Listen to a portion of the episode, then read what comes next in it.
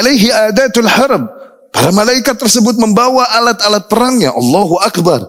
Akhadhatil ma'rakah hadzan dan Akhirnya yang tadinya kaum muslimin tertekan, mulai tekanan peperangan ini berubah. Mulai mereka dengan mudah dapat memukul balik para kaum musyrikin. Assalamualaikum warahmatullahi wabarakatuh. Bismillahirrahmanirrahim. Alhamdulillah. Wassalatu wassalamu ala rasulillah wa ala alihi wa ashabihi wa man walah amma ba'd. Ikhwati rahimakumullah meneruskan pembahasan kita dari sirah ghazwah Al-Badr ya, perang Badr Kubra. Ya. Kemarin kita telah jelaskan kondisi yang telah akhirnya mau nggak mau dihadapi oleh para kaum muslimin. Dihadapi oleh Rasulullah Shallallahu Alaihi Wasallam dan para kaum muslimin. Yang di mana mereka berangkat keluar tidak berniat untuk melakukan peperangan, tidak juga dengan persiapan peperangan hanya untuk legal kafilah dagang yang datang dari Syam. Tapi qadarullah ternyata para kaum musyrikin bergelak dengan kekuatan full dari Mekah dan menghampiri pasukan yang dibawa oleh Rasulullah Sallallahu Alaihi Wasallam. Dan kita telah mendengar kemarin bagaimana para sahabat radhiyallahu anhum baik muhajirin ataupun ansar radhiyallahu anhum ajmain telah menegaskan kesiapan mereka dan kekuatan iman mereka untuk ikut apa pun keputusan Rasulullah sallallahu alaihi wasallam ke mana pun Rasulullah sallallahu alaihi wasallam membawa mereka ya mendengar ketegasan kesiapan keridhaan para sahabat muhajirin dan ansar ini kuatlah hati Rasulullah Shallallahu Alaihi Wasallam. Kemarin kita udah ceritakan juga bahwa Rasul Shallallahu Alaihi Wasallam nggak enak sama kaum Ansor karena perjanjian kaum Ansor dengan Rasul dan para kaum Muhajirin adalah agar para kaum agar agar para kaum Ansor menjaga Rasulullah Shallallahu Alaihi Wasallam dan para kaum Muhajirin di dalam kota Madinah, tidak di luar kota Madinah. Sementara ini terjadi di Badr di luar kota Madinah. Dan dari 317 kaum muslimin yang ikut bersama Rasul Shallallahu Alaihi Wasallam itu majority mayoritas adalah golongan Ansor. Kaum muhajirin yang ikut di situ cuma 68 orangan. Rasul Shallallahu Alaihi Wasallam nggak enak sama golongan Ansor, tapi sedah setelah mendengar ketegasan yang disampaikan oleh Sa'ad bin Mu'adz radhiyallahu anhu yang kita katakan kemarin Siddiqul Ansar ya sebagaimana Abu Bakar Siddiq Al-Muhajirin Sa'ad bin Sa'ad bin Mu'adz radhiyallahu anhu yang ihtazza li mauti Sa'ad Arsyur Rahman. Yang di mana arsh Allah Subhanahu wa taala bergetar karena kematiannya Sa'ad bin Mu'adz. Eh, Sa'ad bin Mu'adz itu radhiyallahu anhu mewakili para kaum Ansar menegaskan kesiapan mereka, keriduan mereka untuk ikut ke mana pun Rasulullah Shallallahu Alaihi Wasallam membawa mereka dengan ungkapannya yang indah yang kemarin telah kita bacakan di pertemuan pertama. Nah, mendengar itu Rasul Shallallahu Alaihi Wasallam semakin yakin dan kuat untuk mengambil sikap menghadapi para kaum musyrikin di Badr. Ya. Maka langkah pertama yang dilakukan oleh Nabi Shallallahu Alaihi Wasallam adalah Sara Nabi Shallallahu Alaihi Wasallam yurdim bi'ran ba'da bi'rin hatta yasil ila akrab bi'rin min jaish Quraisy. ثم يصنعون الحوض حتى يشربون المسلمون ولا يشربون المشركون. Langkah pertama yang Nabi lakukan Shallallahu Alaihi Wasallam adalah Nabi terus mengubur sumur demi sumur yang ada di sekitar sana sampai kepada sumur yang paling dekat kepada barisan kaum musyrikin. Kemudian Nabi Shallallahu Alaihi Wasallam memerintahkan untuk membuat haud, yakni tempat air besar seperti ya, tempat nampungan air yang besar agar dikumpulkan air semua di sana sehingga para kaum muslimin dapat minum dari situ. Ya. Summa sana'u Nabi sallallahu alaihi wasallam al-arish. Kemudian para kaum muslimin membuat arsh, membuat arish, membuat tandu seperti kamar yang dapat diangkat gitu. Para kaum muslimin membuat hal demikian untuk Rasulullah Shallallahu Alaihi Wasallam di belakang. ya, ini diambil juga dari idenya, idenya Sa'ad bin Mu'adz radhiyallahu anhu. Dia berkata kepada Rasulullah Shallallahu Alaihi Wasallam, lihat kecintaan para sahabat kepada Rasul. Dia berkata, "Takunu fihi wa naj'al lakal mati." Ya Rasulullah, biar kau di situ saja, sudah. Di tandu tersebut dan kami akan persiapkan kuda yang paling cepat untukmu.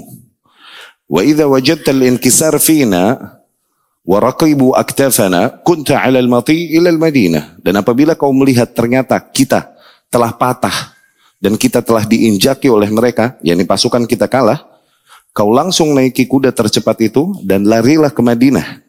Falhaq bi ashabina wa ashabik Bergabunglah bersama para sahabat kami dan para sahabatmu yang berada di Madinah. Fahamauta min kulli syai. Sehingga kau terlindung dari segala hal. Wa in kanat, wa in kanat tuhib. Namun apabila kejadian yang terjadi ternyata sebaliknya kita yang menang melawan kaum musyrikin tersebut falillahil hamdu minnah maka segala puji dan nikmat dari Allah Subhanahu wa taala fada'a lahu nabi sallallahu alaihi wasallam bil khair. Nabi pun sallallahu alaihi wasallam mendoakan kebaikan bagi Sa'ad bin Muadz radhiyallahu anhu. Ya. Kemudian ikhwati rahimakumullah Kejadian tersebut terjadi Lailah Lailah Sabah Ashar min Ramadan. Kejadian tersebut terjadi sampai uh, hari 17 Ramadan, malam Jumat kebetulan. Ya. Tahun kedua Hijriyah. Ya. Di situ Nabi Shallallahu Alaihi Wasallam sepanjang malam terus bersimpuh berdoa kepada Allah Subhanahu Wa Taala, memohon pertolongan dan kemenangan. Wa min huna nasr dan hakikatnya demikianlah kemenangan. An-Nasr ya'ti min indillah. Kemenangan hakikatnya datang hanya dari Allah Subhanahu wa taala, la minal ard. Kemenangan tidaklah datang dari bumi, tapi Allah berikan kepada kaum mana pun yang Allah kehendaki dengan segala hikmahnya. Ya. Allah berfirman, "Wa man nasru illa min indillah." Sungguh tidak ada kemenangan kecuali hanya dari Allah Subhanahu wa taala. Innallaha azizun hakim. Sesungguhnya Allah adalah zat yang maha perkasa lagi maha bijaksana. Yani kalaupun kemenangan tersebut Allah subhanahu wa ta'ala jadikan bagi para kaum musyrikin, maka kemenangan tersebut memang Allah kehendaki bagi mereka. Dengan segala hikmahnya. Ya, tidak ada kemenangan kecuali hanya dari Allah subhanahu wa ta'ala. Allah berfirman, "Iyansurkum, iyansurkum Allah fala ghaliba lakum." Apabila Allah yang telah memenangkan kalian, menolong kalian, maka tak ada satu kaum pun yang dapat mengalahkan kalian. Wa yakhzulkum faman dzalladzi yansurukum min ba'di. Dan apabila Allah meninggalkan kalian, maka siapa lagi yang dapat menolong kalian selain Allah? Wa 'alallahi falyatawakkalul mu'minun. Dan hanya kepada Allah lah layaknya orang-orang yang beriman bertawakal. Ya. Jadi sekali lagi kejadian tersebut 17 Ramadan ya malam Jumat. Nabi sallallahu alaihi wasallam dakhala Aisyah. Nabi pun sallallahu alaihi wasallam memasuki tentnya, memasuki eh, apa tempat yang dibuatkan oleh para sahabat baginya. Yad'u wa yatadarra. Terus Nabi sallallahu alaihi wasallam berdoa kepada Allah Subhanahu wa taala, memohon kepada Allah. Pada saat itu anzalallahu alaihim fi tilka lailah as-sakinah. Pada saat itu Allah Subhanahu wa taala menurunkan kepada barisan kaum muslimin sakinah, peace, ketenangan hati tiba-tiba. Ya. Sehingga mereka semua berada dalam kata yang asun. Mereka semua mengantuk luar biasa. Fayanamun. Padahal lagi dalam kondisi tegang. Tegang yang 317 melawan 1000 lebih pasukan kaum musyrikin. Harusnya berada mereka dalam kondisi yang paling kenceng lehernya nih. Tapi justru mereka begitu tenang dan bahkan tidur mereka dengan nyenyak malam itu. Wal baris. Padahal musuh mulai muncul dan menampakkan barisannya dan kekuatannya. Musta'idun dan mereka siap untuk berperang dengan kaum muslimin. Sementara para kaum muslimin justru mengantuk dan mereka tidur semua terlelap. Anzala alaihim nu'asa Allah turunkan pada mereka rasa kantuk yaghsyah wa yaghsha ashabu yang membuat Rasul tertidur dan para sahabatnya tertidur radhiyallahu anhum ajmain. Ya. Dan kemudian juga Nabi wasallam sebelum tertidur itu tadi kita katakan tulal lail sepanjang malam terus ia tadarra terus bersimpuh dan memohon ampun memohon kepada Allah Subhanahu wa taala pertolongannya wa yaqul. Dan dia terus berkata yakni di dalam doanya sebagaimana diriwayatkan Imam Muslim dan Imam Ahmad Allahumma hadhihi Quraisy ya Allah lihatlah para kaum Quraisy tersebut. Qad atat bi khuyalaiha wa fakhriha mereka telah datang dengan seluruh kesombongannya dan seluruh keangkuhannya tujadiluka wa tukadzibu rasulak mereka menentangmu dan mengingkari Rasulmu. Allahumma fanasruka alladhi wa'adtani. Ya Allah, Aku mohon pertolonganmu yang selama ini telah kau janjikan padaku. Allahumma fanasruka alladhi wa'adtani ya Allah. Aku mohon pertolonganmu yang telah kau janjikan padaku. Allahumma inni anshuduka ahdak wa wa'dak. Ya Allah, aku mohon seluruh janji-janjimu padaku. Terus Rasul sallallahu alaihi wasallam berdoa kepada Allah Subhanahu wa taala. Wa Abu Bakar yasubbuh wa yusalli. Abu Bakar senantiasa nempel Nabi sallallahu alaihi wasallam dan menghiburnya. Dia mendatangi As-Siddiq nih radhiyallahu anhu, mendatangi Rasulullah sallallahu alaihi wasallam wa yaltazimu. Dia melihat Rasul sallallahu alaihi wasallam yad'u rabbah berdoa kepada Allah Subhanahu wa taala begitu tinggi mengangkat tangannya sehingga terjatuh rida yakni mantel luar terjatuh. Abu Bakar pun mengambilnya dan memakaikannya kepada Rasulullah sallallahu alaihi wasallam dan Abu Bakar kepada berkata kepada Rasul sallallahu alaihi wasallam, "Abshir ya Rasulullah." Ya Rasulullah, kabar baik insyaallah kabar baik. Ba'du munasyadatika rabbak. Jangan begini banget kata Abu Bakar radhiyallahu anhu.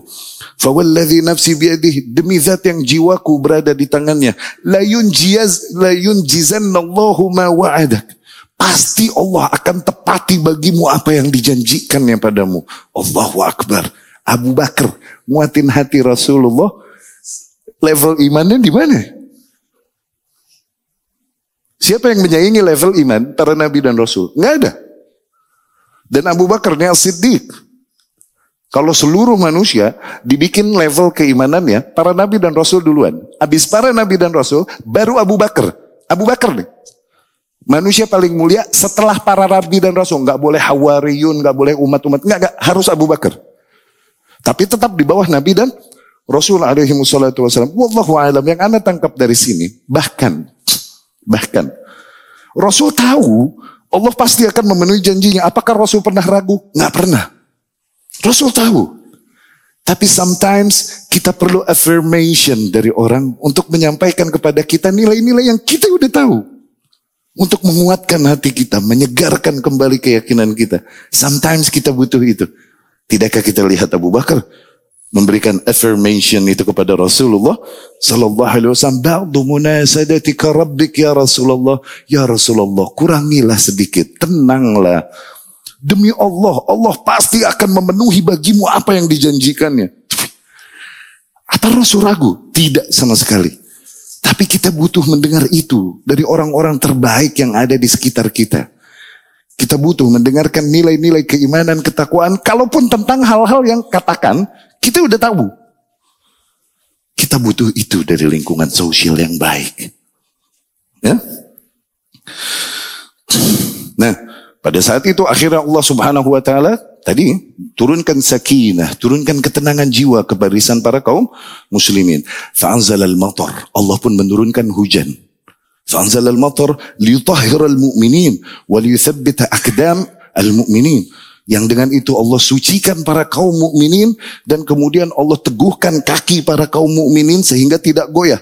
Tapi motor tersebut, hujan tersebut justru membuat kaki para kaum musyrikin tergelincir. Tapi bagi para kaum mukminin, hujan tersebut yang membasahi tanah justru menguatkan kaki mereka, membuat mereka nggak kepleset. Tapi hujan yang sama, al-matar matar wahid, hujannya hujan yang sama. Tapi hujan tersebut efeknya bagi kaum musyrikin justru membuat mereka goyah, kaki mereka goyah. Ya? Pada malam itu hadis ini diriwayatkan Imam Muslim rahimahullah, yang ila sahatil ma'rakah. Kemudian Rasul pun sallallahu alaihi wasallam di keesokan harinya mulai Rasul sallallahu alaihi wasallam melihat medan peperangan yang zur ila sahatil ma'rakah. Rasul sallallahu alaihi wasallam yushir biadi. Rasul menunjuk dengan tangannya. Hada Anas bin Malik cerita radhiyallahu anhu riwayat Imam Muslim rahimahullah Rasul berkata sallallahu alaihi wasallam, "Hada masra' Utbah, hada masra' Syaibah, hada masra' Walid, hada masra' Abu Jahal." Rasul menunjuk dengan tangannya, ini tempat matinya Utbah, ini tempat matinya Syaibah, ini tempat matinya Walid, ini tempat matinya Abu Jahal. Rasul menunjuk dengan tangannya langsung. Padahal peperangan belum terjadi. Wa ma yantiku anil hawa in huwa illa wahyu yuha.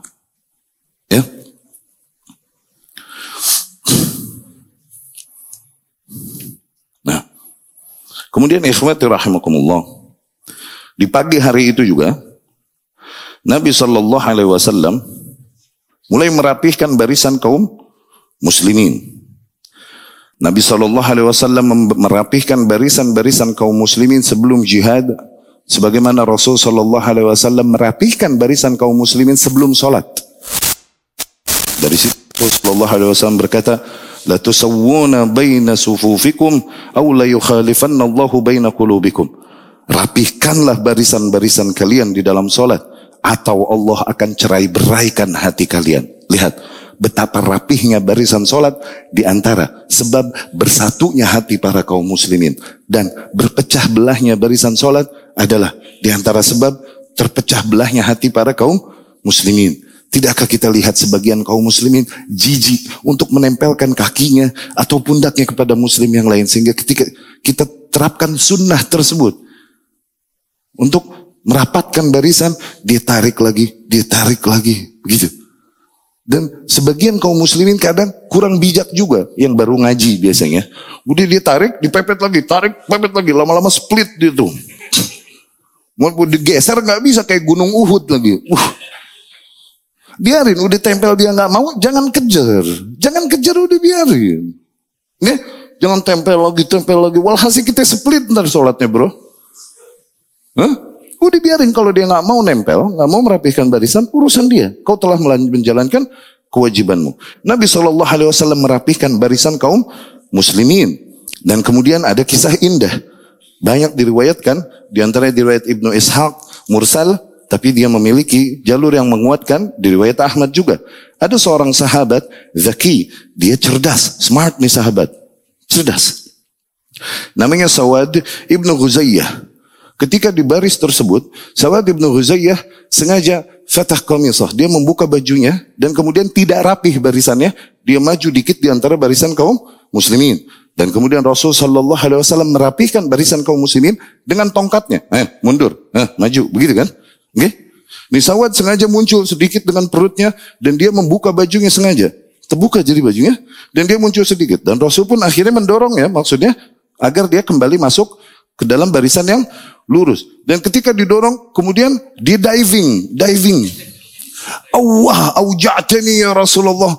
Aduh, aduh, aduh, kau telah menyakitiku ya Rasulullah. Diving ya ini. Apa diving nih? Diving, oke? Okay? Pura-pura. Allah aujatani ya Rasulullah. Ah, kau menyakitiku ya Rasulullah. Kau menyakitiku.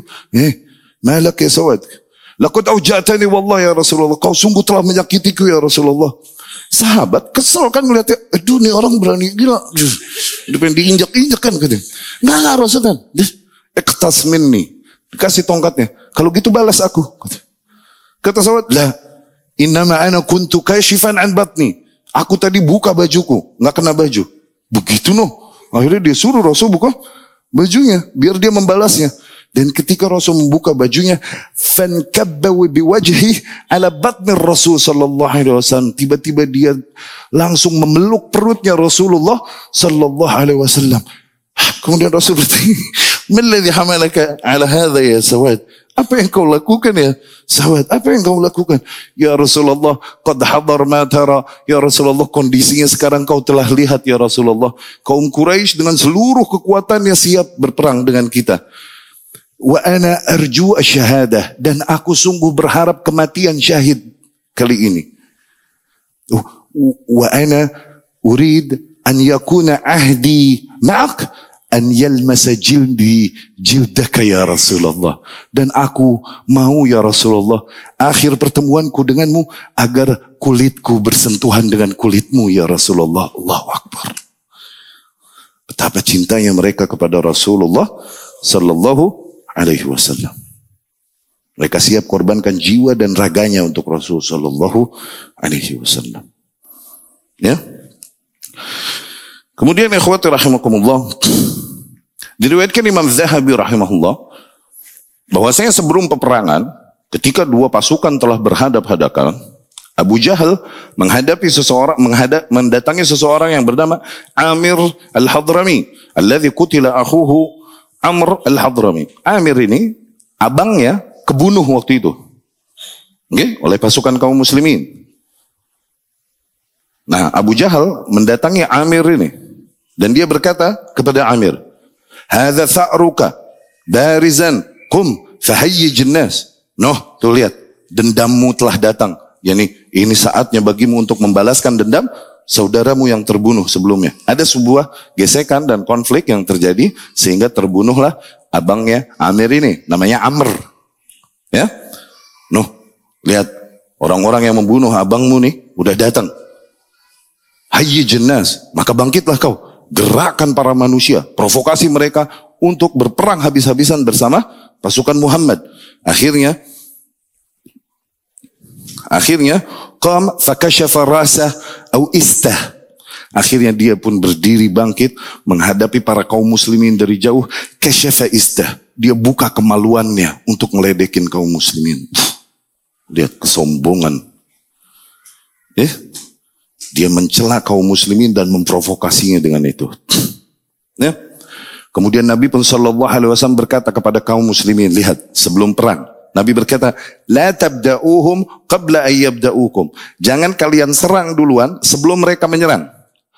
Wala tushhiru as-suyuf hatta yaqtaribu minkum. Dan jangan kalian cabut dulu pedang sampai mereka mendekat kepada kalian. Wa idza Wa idza mabtada'u fil iqtirab dan apabila mereka mulai bergerak mendekati kalian fabda'uhum binabl mulai serang dengan tombak-tombak dan panah. Lihat taktik Nabi sallallahu alaihi wasallam. Wala taqtaribu minhum hatta yaqtaribu minkum dan jangan kalian bergerak maju mendekati mereka sehingga mereka dulu yang sampai dekat kalian baru kalian serang. Akhirnya datanglah seorang dari kaum musyrikin yang udah nggak tahan haus. Mereka mendatangi dia, dia mendatangi eh, tempat air punya kaum muslimin dan kemudian meminum darinya. Para sahabat pun menahannya dan yadrobuna memukulinya. Ya. Falamma tawajah al-jaishan bada'u bil mubarazah. Ah, ketika dua pasukan ini hadap-hadapan, mereka mulai dengan mubarazah. Mubarazah ini perang tanding dulu one by one sebelum mulai perang semuanya. Nah, ini ada mubah mubarazah namanya. Ya. Taqaddama thalatha kibar. Majulah tiga orang senior dari kaum musyrikin. Ya. Majulah Utbah, Syaibah, ini keduanya anaknya Rabi'ah, dan Walid ibnu Utbah. Tiga orang tersebut. Utbah, Syaibah, dan anaknya Utbah yang bernama Walid. Tayyib. Padahal Utbah ini fi asna al-masir di dalam perjalanan kaum musyrikin kemarin sebelum perang, dia sempat dapat hikmah. Sempat dapat hikmah. Dia berkata nih kepada para kaum musyrikin. Dia berkata, limadha naqtul Muhammadan? Kenapa kisi kita mesti membunuh, memerangi Muhammad? wa hizbah. Kenapa kita mesti memerangi kelompoknya? Haula minna wa nahnu minhu. Mereka ini masih saudara kita. Kita juga saudara dia. Kita bagian satu sama lain. Wallahi in qatalnahum. Demi Allah kalau kita bunuh mereka. Fala yazalu, fala yazalu minna yalqa qaribahu wa nasabah. Kita masih tetap ketemu kerabatnya, ketemu nasabnya di Mekah. Ya ini keluarganya yang kita temui kan. Nggak enak gitu. Fala yatiku an yanzur fi wajhi. Maka kita nggak mampu lah ngelihat wajah saudaranya nanti di Mekah kalau kita membunuh Muhammad dan golongannya ini. Khallu baina Muhammad wal Arab. Biarkan saja deh sudah. Biar Muhammad menghadapi para orang-orang Arab. Fa in istansaru fa in alaihi faqad kafaukum amrah. Apabila orang-orang Arab dapat memusnahkan Muhammad dan para pasukannya, maka mereka telah menjalankan Tugas kali ini ya, ini ente nggak usah repot-repot lagi. Udah beres Muhammad sama orang-orang Arab. Fa'in lam yakun, tapi kalau ternyata tidak, ternyata Muhammad dapat menaklukkan Arab, fa'izzu Muhammad huwa izzukum. Maka toh keagungan dan kemuliaan Muhammad adalah ke keagungan dan kemuliaan kalian kaumnya. Tuh, hikmah nggak? Hikmah udah dapat, tapi kodarullah emang kudu perang. kodarullah emang nggak mau didengerin. Ya? Akhirnya Utbah ini di antara yang maju dari mubariz kaum musyrikin, dari orang yang menawarkan diri untuk perang tanding dari golongan kaum musyrikin. Nah, akhirnya Rasul sallallahu alaihi wasallam berkata, "Kum ya Ubaid, kum ya Hamzah, kum ya Ali." Bangun Ubaid, bangun Hamzah, bangun Ali. Nah, tiga-tiganya masih kerabat Rasulullah sallallahu alaihi wasallam. Dari situ dapat kita lihat betapa Rasul Shallallahu Alaihi Wasallam tidak menyimpan keluarganya di belakang dan membiarkan kaumnya duluan. Enggak, enggak, enggak. Rasul Shallallahu Alaihi Wasallam sama mengorbankan juga keluarganya dan mempertaruhkan apa yang dia punya untuk agama ini. Ya. Faqatala Hamzah wa Ali mubarizaihima. Nah, Hamzah dan Ali ketika bertarung dengan mudah dapat menjatuhkan musuhnya. Tapi Ubaid ini yang paling muda di antara mereka dan akhirnya dia kalah dan sempat terluka parah sehingga Hamzah dan Ali pun datang kemudian membunuh orang yang bertarung dengan Ubaid ini. Memang boleh begitu. Yang menang masih hidup, ngeroyok yang masih hidup dari golongan musuh. Di dalam perang tanding boleh begitu memang. Ya? Akhirnya Hamzah dan Ali membawa Ubaid yang keada, dalam keadaan terluka ini kembali kembali ke barisan kaum musyrikin, kemudian dia sakit sebulan setelah itu meninggal dunia. Radhiyallahu anhu. Ya. Kemudian ikhwati rahimakumullah.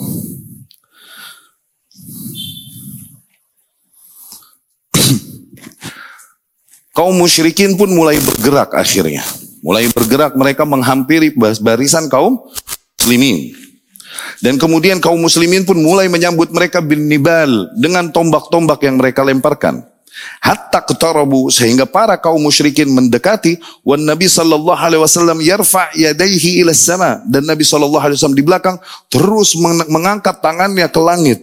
Yad'u rabbah terus dia memohon kepada Allah Subhanahu wa taala wa yabtahil dan dia bersimpu memohon terus kepada Allah Subhanahu wa taala. Fa asabahu ighfa'ah fi wasatil ma'rakah. Tiba-tiba Nabi sallallahu alaihi wasallam ighfa. Nah, Nabi sallallahu alaihi wasallam tiba-tiba hilang kesadarannya di antara di tengah peperangan yang sedang tegang ini tiba-tiba Nabi hilang kesadarannya. Kalau gitu berarti Nabi lagi dapat wahyu. Lagi wahyu turun.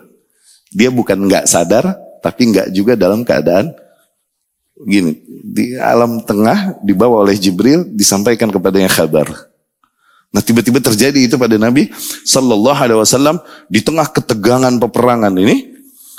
Tiba-tiba Nabi Sallallahu Alaihi Wasallam pingsan sejenak Thumman tabah. Kemudian gak lama langsung terbangun Nabi Shallallahu Alaihi Wasallam. Fakharaj yakfiz. Kemudian Nabi pun lompat dan keluar dari tendanya. Wayakul dan dia berteriak. Abshir ya Abu Bakar. Ambillah kabar gembira ini wahai Abu Bakar. Hada Jibril ala thanayahu naqa. Laqad ja'al madad. Ini Jibril turun. Dia membawa senjatanya. Sungguh telah turun pertolongan dari Allah Subhanahu wa taala. Wajahat malaikatullah. Hada Jibril akhidan bi'anan farsi. Tidakkah kau lihat itu Jibril mengendarai kudanya? Turun bantuan dari langit untuk barisan para kaum musyrikin. Alaihi adatul harab. Para malaikat tersebut membawa alat-alat perangnya. Allahu Akbar. Akhadatil ma'rakah. hadzan dan Akhirnya yang tadinya kaum muslimin tertekan, mulai tekanan peperangan ini berubah. Mulai mereka dengan mudah dapat memukul balik para kaum musyrikin. Kan rajulan minal ashab yarfa saifah. Terdapat seseorang dari sahabat Rasulullah SAW yarfa saifah. Yurid ayyadrib unuk. Dia mau nyabat leher musuhnya nih, musyrik. Tiba-tiba belum dia sahabat, tahu-tahu taraksa, tahu-tahu terbang kepalanya, eh kok terbang sendiri palingnya, begitu lah. Di antara mereka ada yang bilang katanya aku mau memukul tangannya si fulan tiba-tiba tar iya deh tiba-tiba terbang tangannya terbang sendiri. Ya. Ya ini disikat sama malaikat yang hadir di sana. Ya. Hatta inna al-Abbas, bahkan al-Abbas ibn Abdul Muttalib radhiyallahu anhu masih di barisan kaum musyrikin. Asarahu ahadul muslimin. Dia ditangkap, dikalahkan dan ditangkap oleh salah seorang kaum muslimin. Dibawa sama Rasulullah wasallam. Abbas nih pamannya Rasul wasallam. Abbas ibnu Abdul Muthalib. Cuman waktu itu masih belum masuk Islam. Nanti masuk Islam. Ya. Dibawa kepada Rasulullah wasallam dan dia bilang, ini sahabat yang bawa, "Ya Rasulullah, asartu ammak." Ya Rasulullah, nih aku berhasil menyandera pamanmu. Akhirnya Rasulullah sallallahu alaihi berkata, "Ya am, nih, nih, nih wahai pamanku. Al-am walid. Sesungguhnya paman adalah bapak. Anta walidi ba'da abi. Engkau adalah ayahku sepeninggal bapakku. Kata dia. Tapi ini Abbas berkata, La wallahi ya Muhammad. Tidak demi Allah ya Muhammad. Kata dia. Ini orang kayak gini kagak pantas nyandera gue. Nggak bisa. Dia nggak bakalan mampu nyandera gue. Begitu. Laisa lahu taqah. Dia nggak bakalan kuat mengalahkanku dan menangkapku. Kata. Faman asarok idan. Lalu siapa yang menyanderamu tadi, yang mengalahkanmu dan menyanderamu? Ketika ra'aitu rajulan. Ajlah ahsanan nas. Aku lihat tadi orang, Allah adalah lelaki, mengkilap banget. Di antara manusia paling tampan yang aku pernah lihat. Fama ra'aituhu bainan nas al-an. Sekarang kok nggak ada nih yang cari itu orang mana. Begitu dong. Gitu. Ya? Rasul pun berkata sallallahu alaihi wasallam, Asarak al-malak. Asara al-malak lak. Dia berkata kepada sahabat yang menangkap Abbas ini. Rasul sallallahu alaihi wasallam berkata, "Faqad asarahu malakun karim." Lak, sungguh malaikat yang mulia telah menyanderakan Abbas untukmu. Gitu. Kemudian ja'a sahabi wa qala Rasul sallallahu alaihi wasallam kemudian seorang sahabat pun datang kepada Rasul sallallahu alaihi wasallam dan berkata, "Ra'aitu rajulan 'ala faras abyad min sifatihi kadza wa kadza." Aku kok tadi melihat ada seorang lelaki menunggangi kuda yang sangat putih. Sifatnya demikian, demikian, demikian. Digambarkan keagungannya orang dan ketampanannya dan lain-lain. Tapi kok nggak ada sekarang ini itu. Kata Rasul Sallallahu Alaihi Wasallam, "Hada min madad min madad as-sama' Itu bantuan yang datang dari langit lapisan ketiga. Dari langit lapisan ketiga. Yang malaikat adalah para penduduk langit. Dan langit ada tujuh lapis. Setiap lapis ada penduduknya. Ada para malaikat yang mereka hidupnya di lapisan satu. Ada yang lapisan dua. Ada yang lapisan tiga. Sampai langit ketiga turun membantu para sahabat Rasulullah Sallallahu Alaihi Wasallam. Akhirnya berakhir peperangan tersebut. Ya'sar al-sahabah sab'un wa yaqtulun sab'in. Ada. Ukashah ibn Mihsan al-Asadi. Ukashah ibn Mihsan al-Asadi di dalam peperangan tersebut diceritakan di dalam kitab-kitab sirah patah pedangnya, patah, patah pedangnya nih. Dan kemudian Rasul pun Shallallahu Alaihi Wasallam memberikan kepadanya sebatang ud, ud ini kayu, dikasih kayu sama Rasul Shallallahu Alaihi Wasallam. Nih perang pakai ini, gitu. Namun ketika diambil sama Okasyah ini, tiba-tiba kayu tersebut berubah menjadi pedang yang putih mengkilap dan kuat luar biasa dan dengan itu dia banyak menjatuhkan para kaum musyrikin. Pedang terus pedang tersebut terus bertahan pada Uqasyah disimpan oleh Uqasyah radhiyallahu anhu sampai akhirnya Uqasyah terbunuh di perang Riddah bersama Abu Bakar radhiyallahu anhu memerangi kaum yang murtad sepeninggal Nabi sallallahu alaihi wasallam. Di perang Badar tersebut para sahabat berhasil membunuh 70 orang dari kaum musyrikin dan berhasil menyandera 70 orang dari kaum musyrikin. Ya. Dan pada saat itu Nabi Shallallahu Alaihi Wasallam memerintahkan Ali dan Nabi Shallallahu Alaihi Wasallam juga beberapa kali mengambil tibnah minal ard. Seringkali Nabi Shallallahu Alaihi Wasallam mengambil uh, pasir, mengambil pasir dari tanah dan kemudian melemparkannya sejadinya begitu dan berkata syahatil wujuh. Nah, tidaklah seorang musyrik pun kecuali pasti kena debu itu di matanya. Dan Nabi Shallallahu Alaihi Wasallam di barisan paling belakang. Ya. Kemudian ikhwatul rahimakumullah. Abu Jahal pada saat itu berada di tengah para kaum musyrikin. Kaum musyrikin melindungi Abu Jahal dengan perlindungan yang luar biasa sehingga mereka berkata, "Wallah, la yakhlus li Abil Hakam abadan wa nahnu ahya." Demi Allah, jangan sampai Abu Jahal terluka sama sekali. Dan kita sementara kita masih hidup, jangan sampai Abu Jahal terluka. Karena emang yang membawa mereka adalah Abu Jahal dari Quraisy, ya. Tapi datanglah kemudian, nah ini diriwayat Imam Bukhari dan Muslim rahimahumullah, kisahnya dari Abdurrahman ibn Auf radhiyallahu anhu. Ja, datanglah dua orang remaja. Eh, Abdurrahman ibn Auf melihat dirinya berada di antara dua orang remaja ini bocah, bocah. Yang satu namanya Muaz, yang satu namanya Muawaz. Ingat tuh nama? Enggak? Pertamanya diriwayat Imam Bukhari dan Muslim, Abdurrahman ibn Auf bilang, aduh, aku di antara bocah lagi. Enggak deh, mendingan gue sendiri. Karena di dalam peperangan saling melindungi. Dia khasyid ala nafsi. Aku khawatir keselamatanku. Kalau aku berada di antara bocah ini, ini siapa yang melindungiku? Karena kita kan saling jaga punggung. Tapi kalau di antara bocah, waduh, nggak kejaga nih, gitu. Dia sempat begitu. Tapi kemudian Muaz dan Muawaz ini menghampiri Rasulullah, eh menghampiri Abdurrahman ibn Auf dan dia berkata, bertanya kepada Abdurrahman ibn Auf. Pertama Muaz menghampiri Abdurrahman ibn Auf. Dia berkata, Ya Am, Om, om, begitu. Ya am, om, om, begitu. Om, om, begitu. Aina Abu Jahal. Yang mana yang namanya Abu Jahal, yang mana yang? Oh berarti dia Ansor. Nggak tahu Abu Jahal. Abdurrahman berkata, Ya bna akhi wa bih. Wahai keponakanku. Gitu. Emang mau ngapain kau? Gitu. Fawakan Abu Jahal fi mithl al-jarjah. Dan Abu Jahal posisinya pada saat itu kayak benar-benar dibentengin. Ada sel ngejaganya. Falamman kasyaf dan ketika kebuka penjagaannya sedikit. Abdurrahman berkata, ah, huwa hadha sahibukum. No, no, no. Orangnya yang oh, no, no, no. Begitu. Gitu. Nggak lama tahu-tahu datang lagi yang satunya. Muawaz. Ya am, om, om. Ini Abu Jahal. Yang mana yang namanya Abu Jahal? Begitu no. Dia. Wajah kaman. Lu lagi nih. Tong. Ngapain emang? Sami'tu annahu yasubbun Nabi sallallahu alaihi wasallam.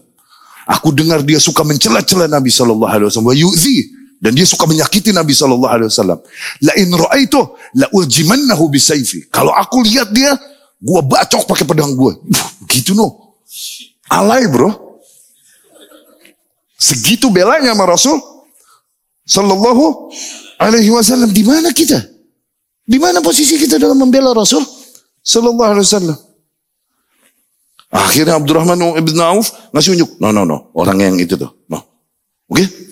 Fotoro. Tiba-tiba nih anak berdua kayak terbang lari.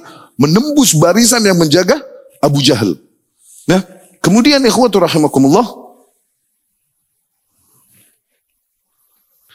Muaz bercerita nih. Muaz ibn Amr nih. Yang menyerang Abu Jahal bercerita. Setelah mereka memberesin Abu Jahal, mereka kembali kepada Rasulullah Sallallahu Alaihi Wasallam dan membanggakan dirinya. Qatal tu Abu Jahal ya Rasulullah. Kata Muaz. Kata Muaz, La bal ana qataltu yahu ya Rasulullah. Enggak ya Rasulullah, ana yang ngebunuh. Gitu. Aku telah membunuh Abu Jahal ya Rasulullah. Enggak ya Rasulullah, ana yang ngebunuh. Dua-duanya ngadu sama Rasul Sallallahu Alaihi Wasallam. Rasul berkata, Hal masahtuma sayfaikum? Udah dilap belum pedangnya? Belum ya Rasulullah. Nah, hari ini coba lihat pedangnya. Dilihat pedangnya sama Rasul. Nah, anta kotalta. Kau telah membunuhnya. Yang satunya, anta kotalta. Kau telah membunuhnya juga. Nah, nanti ada bisa kita temukan dengan hadisnya Ibnu Mas'ud radhiyallahu anhu yang ngabisin Abu Jahal nanti nanti ada ceritanya. Zain? Nah, Muadz ini bercerita Muadz bin Amr ini, "Wallah laqad darabtu." Demi Allah aku telah menghantam Abu Jahal. Kemudian Fa'atruk فخذه فما أشبهها illa بالنوى nawa رحى raha aitarat saqahu. Dihajar kakinya, pahanya sama Muaz. Kaki pahanya Abu Abu Jahal terus terbang nih kaki sama pahanya, terbang jauh, dihajar sama Muaz, pahanya Abu Jahal nih. Oke. Okay? Habis begitu, hamala alayya Ikrimah. Eh ada Ikrimah lari menghampiriku dan menyerangku. Ikrimah ini anaknya Abu Jahal radhiyallahu anhu. Awas, nanti masuk Islam. Nanti masuk Islam. Cuman waktu itu masih di barisan kaum musyrikin. Kemudian fadarabani fa'attam yadi. Ah, kemudian dia menghantam tanganku sehingga tanganku terputus tapi masih nyangkut. Bijil dah kanat hunalik. Masih nyangkut nih tangannya udah putus tapi masih nyangkut karena ada kulit. Kebayang sakitnya, kebayang sakitnya. Namun dia terus berperang. Falama adabtu. Dan ketika aku pegel, ah pegel nih tangan. Ja'al tuha tahta kodami. Aku taruh nih tangan di bawah. Kemudian aku injak. tuh. Kemudian aku pelintir, ah putus. Dan kemudian aku kembali lagi ke peperangan. Bocah. Lepas tangannya. Demi ngebela Rasulullah. Sallallahu alaihi wasallam. Masih segitunya bro. Zaman salaf kita belain Rasul apaan? Wala kita belain sunnahnya. Bidah kita minder, ikutan malah. Merbanin jiwa ke raga ke dana ke apa pun yang kita bela untuk Rasulullah Sallallahu alaihi wasallam. Apa yang bisa kita korbanin untuk Rasulullah Sallallahu alaihi wasallam. Umar ibn Abdul Aziz, ini zamannya di tabi'in. Satu hari, dihadapkan kepadanya beberapa bocah-bocah. Dihadapkan kepada Umar bin Abdul Aziz. Kenapa? Kenapa dia bocah? Innahum qatalu syaikhan. Mereka telah membunuh seorang aki-aki. Begitu. Zain? Akhirnya ditanya sama Umar Abdul Aziz. Bocah? Bocah anak kecil? Ini khamsa, sab'a, lima, tujuh tahun. Lima kotal tumuh. Kenapa kalian membunuh kakek-kakek itu? Ya Amirul Mukminin. Syekh, tu aki-aki. Kalau lewat, melihat kami bermain, sering kali dia muak marah dan memaki-maki kami. Kemudian dia memaki-maki Rasulullah Sallallahu Alaihi Wasallam. Ketika kami mendengar ya kami nggak kuat ya Syekh. Kami ambil kayu batu yang ada dan kita pukulin dia, eh dia lewat ya Amirul Mukminin. Mati nih aki-aki digebukin bocah. Umar bin Abdul Aziz bilang, syuf, syuf. Alhamdulillah. Aku masih hidup di zaman yang di mana bahkan anak-anak kecil berani membunuh demi membela kehormatan nabinya sallallahu alaihi wasallam.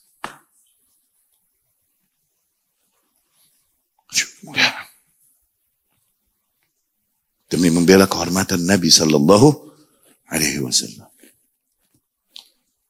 Ibnu Abbas cerita di Madinah radhiyallahu anhu. Pagi-pagi dilaporkan kepada Rasul sallallahu alaihi wasallam jasad Jasad seorang wanita. Jasad seorang wanita. Udah mati. Matinya mati ada luka. Oh dibunuh. Oke? Okay? Dan kemudian akhirnya Rasul SAW mengumpulkan penduduk Madinah. Dan dia berkata, Anshudu billahi rajulan qatalat hadhil mar'ah. Aku seru dengan nama Allah. Siapa pun yang membunuh ni wanita, berdiri, ngaku. Sahabat digituin nggak ada yang berani bohong bro. Kan mereka nggak ngaku, wahyu turun ngasih tauin Rasul, percuma bohong. Iya gak? Kayak Ummul Mukminin Aisyah radhiyallahu anha, satu hari Rasul sallallahu alaihi wasallam malam-malam tiba-tiba keluar kamarnya. nil ghirah. Tiba aku jealous. Wah, ke rumah yang lain nih, gitu. Pas lagi jatahnya. Eh, kemudian dia mengikutinya di kegelapan malam, ternyata Rasul ke. Kuburan, Bakia. Kemudian dia berdoa, sholat dan berdoa di situ. Dan kemudian ketika kembali Rasul ke kamar, Amul Mukminin melihat dan dia lari duluan kembali dan tidur. Dan kemudian ketika Rasul Shallallahu Alaihi Wasallam masuk pun, Rasul kan yusallim tasliman, yusmi' al-yaqdhan, walam yukiz naim Gaya Rasul, kalau salam, dia membuat orang yang masih bangun dengar, tapi nggak bikin bangun orang yang udah tidur. Dia Rasul salam dengan salamnya, kemudian tidur di samping Ummul Mukminin Aisyah radhiyallahu anha. Tapi dilihat dadanya pepunggungnya ngos-ngosan. Kirain tidur nih. Ke Aish. Neng teh kunaon. Apa yang terjadi denganmu ya Aish? Umul Mukminin Aisyah berkata, ah lah, ah enggak, cewek, enggak kata. Akhirnya Rasul berkata, akhbirini awla yukhbirannani ya latiful khabir. Ayo, kasih tahuin enggak? Atau zat yang maha lembut lagi maha mengetahui yang akan mengkhabarkannya padaku. Ah, siapa yang berani bohong? Akhirnya dia mengaku, Ummul Mukminin Aisyah radhiyallahu anha mengaku kepada Rasul sallallahu alaihi wasallam. kulli hal, Dikumpulkan penduduk Madinah dan Rasul berkata, Aku suruh dengan nama Allah. Siapa yang membunuh wanita ini? Berdiri ngaku. Faqam syekh kabir a'ma yatazalzal. Berdirilah seorang kakek-kakek tua, buta, dan dia bergetar mengaku, Ana ya Rasulullah, aku ya Rasulullah. Jadi di sidang kenapa kau membunuhnya? Syuf, ungkapan lelaki.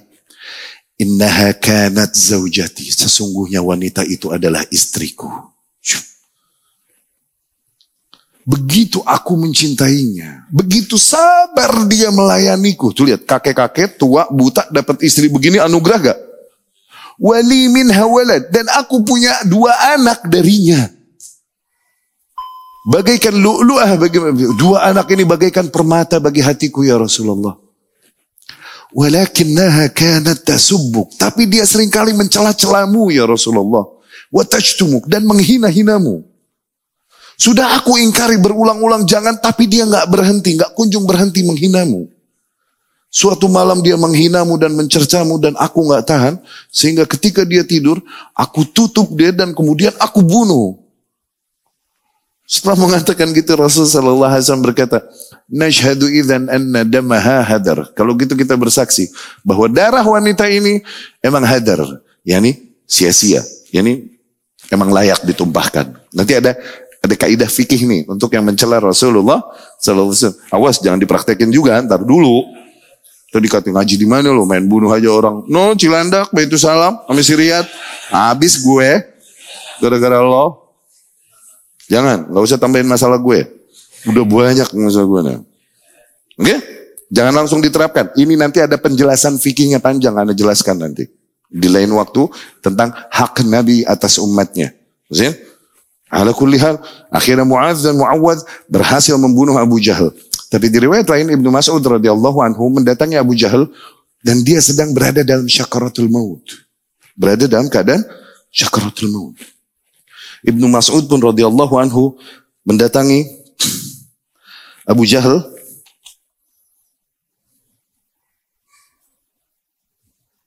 hmm. Ibnu Mas'ud mendatangi uh, Abu Jahal yadha rijlaihi ala safhat unuki Ibnu Mas'ud menaruh kakinya di leher Abu Jahal pada saat itu dan Abu Jahal pun berkata bikibriyaih dengan ketakaburannya, dengan kesombongannya. Lau anna ghaira akarin qatarani. Duh, andai saja yang membunuhku bukan seorang budak, eh bukan seorang buruh gembala. Yani Ibnu Mas'ud suka diupahin orang suruh gembala kambing. Ini akar, namanya akar. Lau anna ghair akarin qatalani.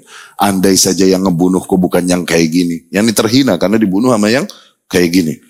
Akhirnya Ibnu Mas'ud pun berkata kepadanya, ya, Ala tara anna Allah qad akhzak ya adu Allah. Tidakkah kau lihat bahwasanya Allah telah menghinakanmu wahai musuh Allah?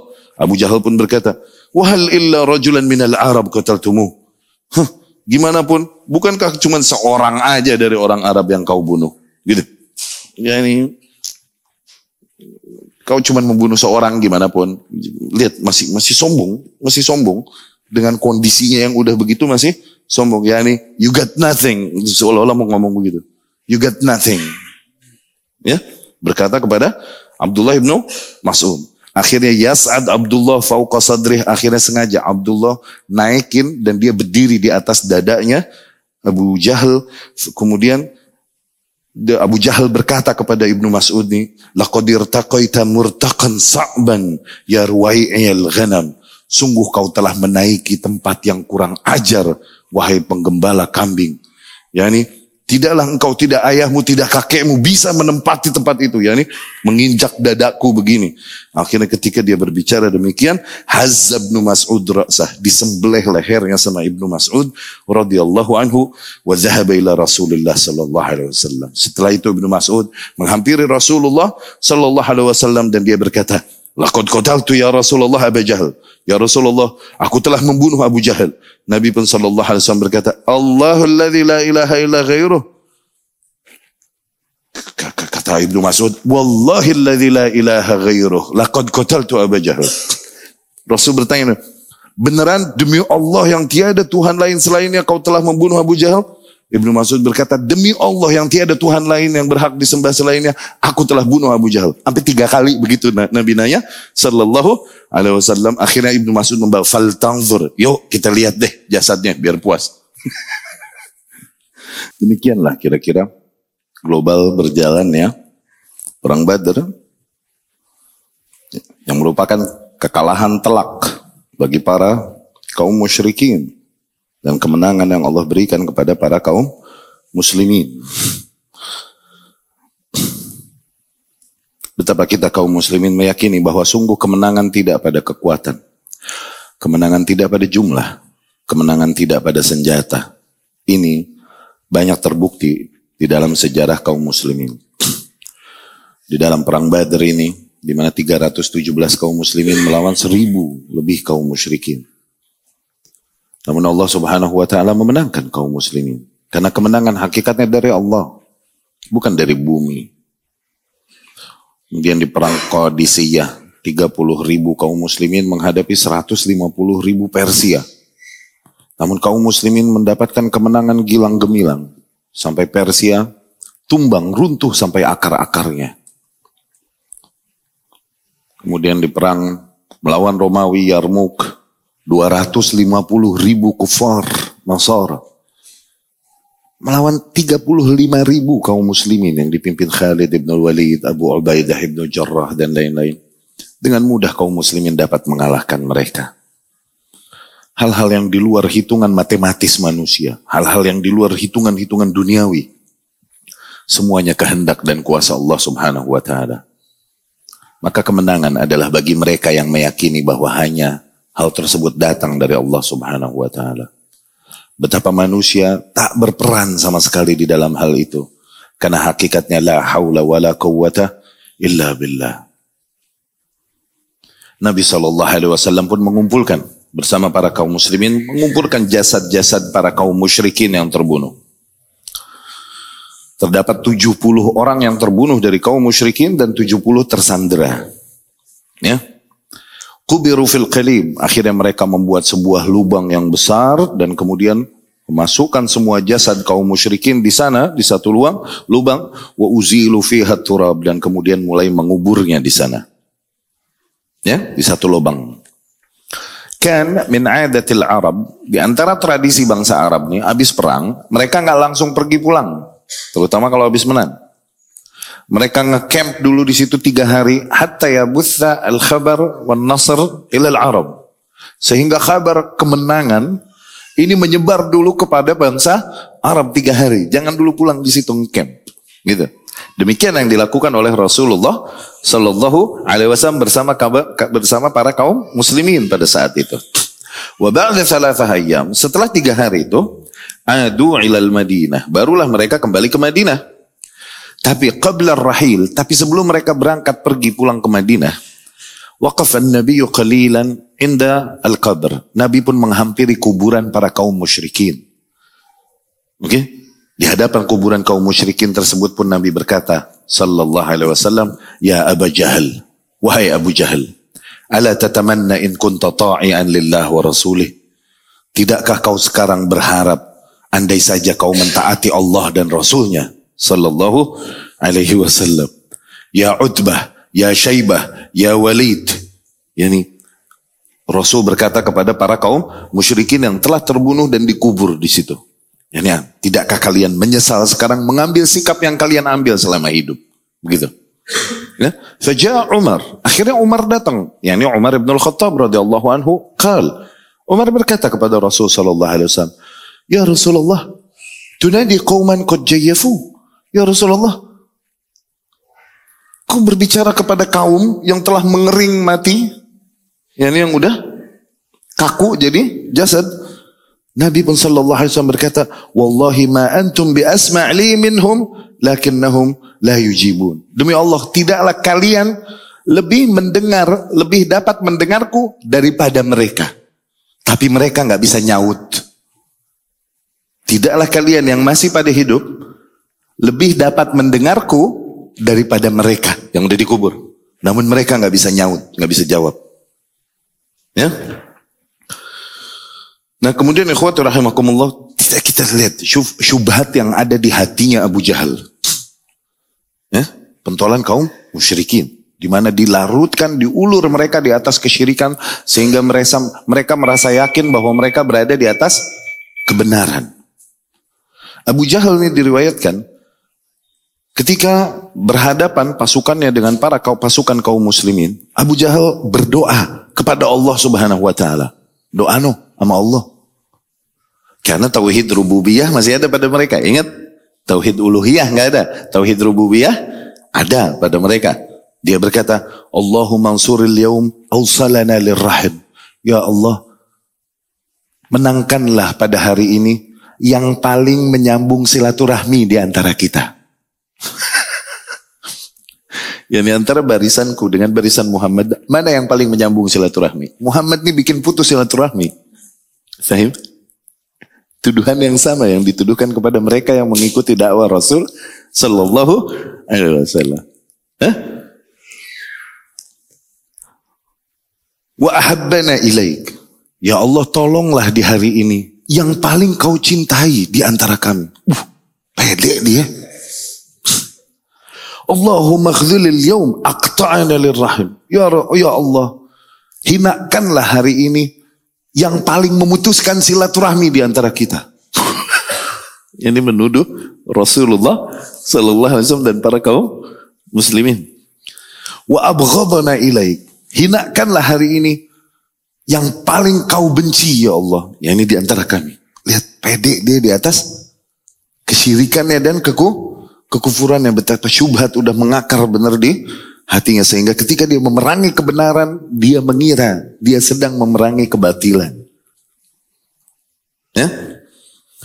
Demikian ya khawatir rahimakumullah kira-kira yang dapat kami sampaikan dari sedikit perjalanan perang Badar. Semoga kisah demikian dapat menyirami dan menguatkan keimanan kita semua dan kemudian membuat kita introspeksi. Sejauh apa pengorbanan kita untuk Allah Subhanahu wa taala, untuk Rasulnya sallallahu alaihi wasallam dan untuk agamanya. Kita di satu waktu berharap berada di posisi di surga kelak di posisi yang sama dengan Rasul dan para sahabatnya radhiyallahu anhum. Namun kok Begitu jauh pengorbanan kita untuk agama ini, untuk Allah dan untuk Rasulnya Sallallahu Alaihi Wasallam dari contoh yang mereka berikan. Tidaklah kita sanggup mengorbankan hal-hal yang padahal mampu kita korbankan demi agama Allah, demi Allah, demi Rasulnya Sallallahu Alaihi Wasallam. Kita mampu mengorbankannya. Janganlah dikate mengorbankan hal-hal yang emang tidak kita mampu. La yukallifullahu nafsan illa Hal-hal yang mudah kita korbankan untuk agama kita. Dari kelebihan yang ada pada kita. Waktu, tenaga, dana. Apa pun itu yang bisa kita korbankan, tidak kita korbankan untuk agama kita. Ya, sementara di waktu yang sama kita berharap untuk berada dengan satu level bersama mereka di surganya. Ya, jauh, jauh. Ya, semoga kisah-kisah ini dan kisah-kisah yang akan datang yang kami bawakan kelak dapat menjadi motivasi bagi kita untuk semakin berkorban lah di jalan Allah Subhanahu wa taala, di jalan tauhidnya, di jalan sunnah Rasulnya sallallahu alaihi wasallam. Ya. Jangan kita takut kehilangan comfort zone kita. Orang ini sering kali nggak mau keluar dari comfort zone-nya. Kalaupun demi itu akhirnya dia mengalah kepada kesyirikan, dia mengalah kepada kebid'ahan. Karena apa? Karena takut comfort zone-nya hilang. Kalau mengingkari kesyirikan. Kalau mengingkari kebid'ahan. Lihat, bahkan comfort zone-nya tidak mau dia korbankan demi membela Allah dan Rasulnya Sallallahu Alaihi Wasallam. Apa comfort zone-nya apa? Zona nyaman ya, zona nyaman. Nggak mau ribut, nggak mau ini. Ya. Semoga Allah Subhanahu Wa Taala berikan kita taufik untuk mengorbankan apa pun yang bisa kita korbankan di jalannya. Ya. Tapi aku lu qauli hadza wa astaghfirullah li wa lakum.